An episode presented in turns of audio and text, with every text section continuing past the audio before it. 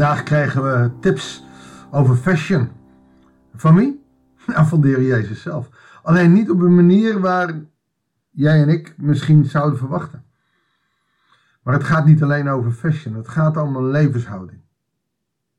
In heel die drie hoofdstukken van de bergreden gaat Jezus in op het leven naar de wil en naar het verlangen van God.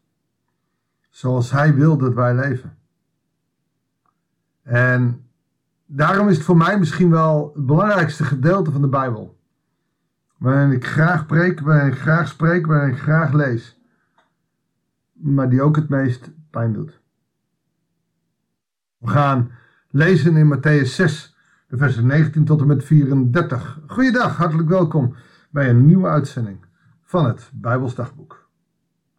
In vers 19 lezen we daar dan: Verzamel voor jezelf geen schatten op aarde. Mot en roest vreten ze weg en dieven breken, in om ze te stelen. Mag je dan niks hebben? Je hebt de verschillende uh, mogelijkheden dat je niks zou mogen hebben, dat je niks zou mogen bezitten of, of dat soort dingen. Ja, natuurlijk wel. Uh, we hebben een huis, we hebben een televisie, we hebben een auto, we hebben, we hebben spullen die, die ons dierbaar zijn. Maar het belangrijkste is dat we daar niet te veel waarde aan mogen hechten. Want die waarde die houdt ons bij God vandaan.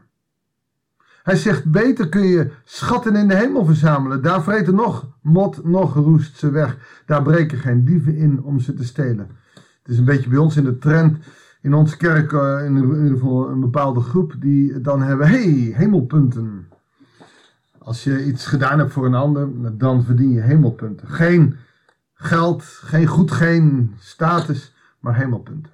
Nou, dat is misschien wat gekscherend, maar feitelijk is dat wat God die zegt. De schatten in de hemel, dat zijn geen schatten van geld en goed, maar dat zijn, ja, dat God ziet dat je goed doet. Dat God ziet dat jij, dat jij je best doet. Dat God ziet dat je van andere mensen houdt. Dat God ziet dat jij volwassen geloof hebt. Namelijk dat je je vijanden lief hebt. Dat je uh, vergeeft. Dat je, en, en, en daar zal iedereen in falen. Maar als jij je beste doet. Als God ziet dat jij je houding daarin hebt. Dan kun je dus als iemand die helemaal geen geld heeft. Enorm veel schatten verzamelen in de hemel. Oftewel hemelpunten krijgen. Oftewel waardering van God maar ook van de mensen. Dat lees je dan weer in Spreuken 3 vers 3. Een, een tekst die, die heel veel bij bruiloften wordt gebruikt. Als je liefde geeft voor de ander. Dan verzamel je hemelpunten bij God, maar ook bij mensen om je heen. Als jij in alle bescheidenheid dingen doet waarvan de ander niet weet dat ze doen. Maar het op een gegeven moment ontdekken dat, dat je wel dingen doet voor anderen. Nou word ik vaag Anders dat, eh, dat iemand zegt, ja, maar ja, als jij zo weinig hebt, dan kan je toch ook niks voor een ander doen. En dat jij dan zegt, jawel, je kan voor de ander zijn. Je kan de anderen helpen. Een wandeling maken met iemand die het moeilijk heeft om alleen te wandelen. Dan schep je er niet over op, maar dan deel je hoe jij je talenten kan inzetten. En dan zul je gewaardeerd worden. Maar wanneer jij zegt, ja, ik heb nergens geen tijd voor, maar ik, uh, ik geef een hoop geld aan, uh, aan de kerk ja, dat zal iemand misschien wel leuk vinden, maar je zult er niet om gewaardeerd worden. Verzamel geen schatten hier op aarde. En dat betekent dus ook dat je best een auto en een huis en geld mag hebben. Maar daar mag het niet om gaan. Elders gaat het ook over rijkdom hebben, maar um, het is niet de hoofdreden. Je geluk mag niet van je geld, van je goed afhankelijk zijn, maar van je geloof en God. Want het oog is de lamp voor het lichaam. Dus als je oog helder is, zal heel je lichaam verlicht zijn. Dus het gaat niet eens om anderen, maar ook jezelf. Maar als je oog vertroebeld is, oftewel als je oog alleen maar valt op geld, op macht, op status, op hebben, hebben, hebben, rijkdom. Oh, zes dagen in de week is jammer, we moeten zondag gaan ook werken. Nou, dat soort dingen, dan vertroebel je je oog en dan zal je hele lichaam in de duisternis zijn. En als je lichaam in de duisternis zijn, dan zal je heel hard je hart, heel snel je hart ook in de duisternis zijn. Als het licht in jezelf verduisterd is, hoe groot is dan die duisternis? Enorm. En er staat geen vraagteken achter, maar een uitroepteken. Die duisternis is groot. Je zult er verder in weggezogen worden. En je ziet dat ook. Mensen die veel hebben, die willen vaak meer hebben. Want het is belangrijk om hun status quo te houden. En dan hebben ze een excuus, ja, om dat vervolgens uit te geven aan goede doelen. Ja, nee, net niet. Want wie geeft van wat hij niet heeft, of geeft van het laatste beetje wat hij heeft, of die aan het begin van de maand bepaalt, dit geef ik, zonder te weten of hij dan de maand doorkomt of niet, zijn mensen die gezegend worden. Maar mensen die geven van hun restjes, of die geven om een goede status te hebben, of om te laten zien dat ze toch wel, hè, ondanks dat ze veel hebben, goede dingen doen, verzamelen zich schatten in de hemel. Ze willen complimenten van, oh nee, in, op de aarde. Ze verzamelen uh, complimenten om te laten zien hoe goed ze bezig zijn. Want kan twee heren dienen. Zal de eerste haten en de tweede lief hebben. Dit is heel radicaal. Of je gaat voor je geld, je status, je werk en alles wat er is. Je gaat voor God. En dat betekent wel dat je werk mag hebben, maar dan is dat niet het belangrijkste. Mensen die keihard werken om geld te verdienen, om groot te worden, die vergeten niet alleen God, maar ook hun gezin. Maar als je mensen hebt die gaan voor God, die gaan hun gezin op de eerste plaats zetten en daarna hun werken, dan mag je nog wel geld en winst maken. Maar dan is dat niet het belangrijkste. We kunnen niet God dienen en de mammon. En de mammon is de God van het geld, van de status, van de macht. En het is heel scherp hier, maar het is echt waar. Hoe harder je God lief hebt en dient, hoe beter je van je partner, van je vrienden, van de mensen om je heen kunt houden.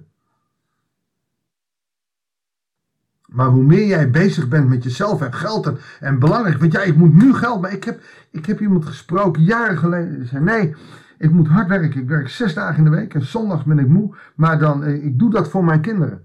Maar vervolgens was hij op zondag de man die het vlees snee en dat de kinderen als het ware een vreemde hadden. Want door de week was hij er nooit. Hij ging niet mee naar zwemmen. Hij ging niet mee naar de voetbaltraining. Hij ging niet mee naar de wedstrijd, want hij moest hard werken, zodat later zijn kinderen goed konden studeren. Zodat later zijn kinderen.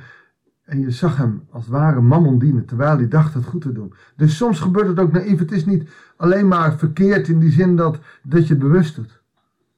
Maar God, door Jezus Christus, roept ons hier op. Om God te dienen.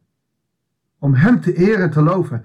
En weet je, ik kan veel meer van mijn vrouw houden.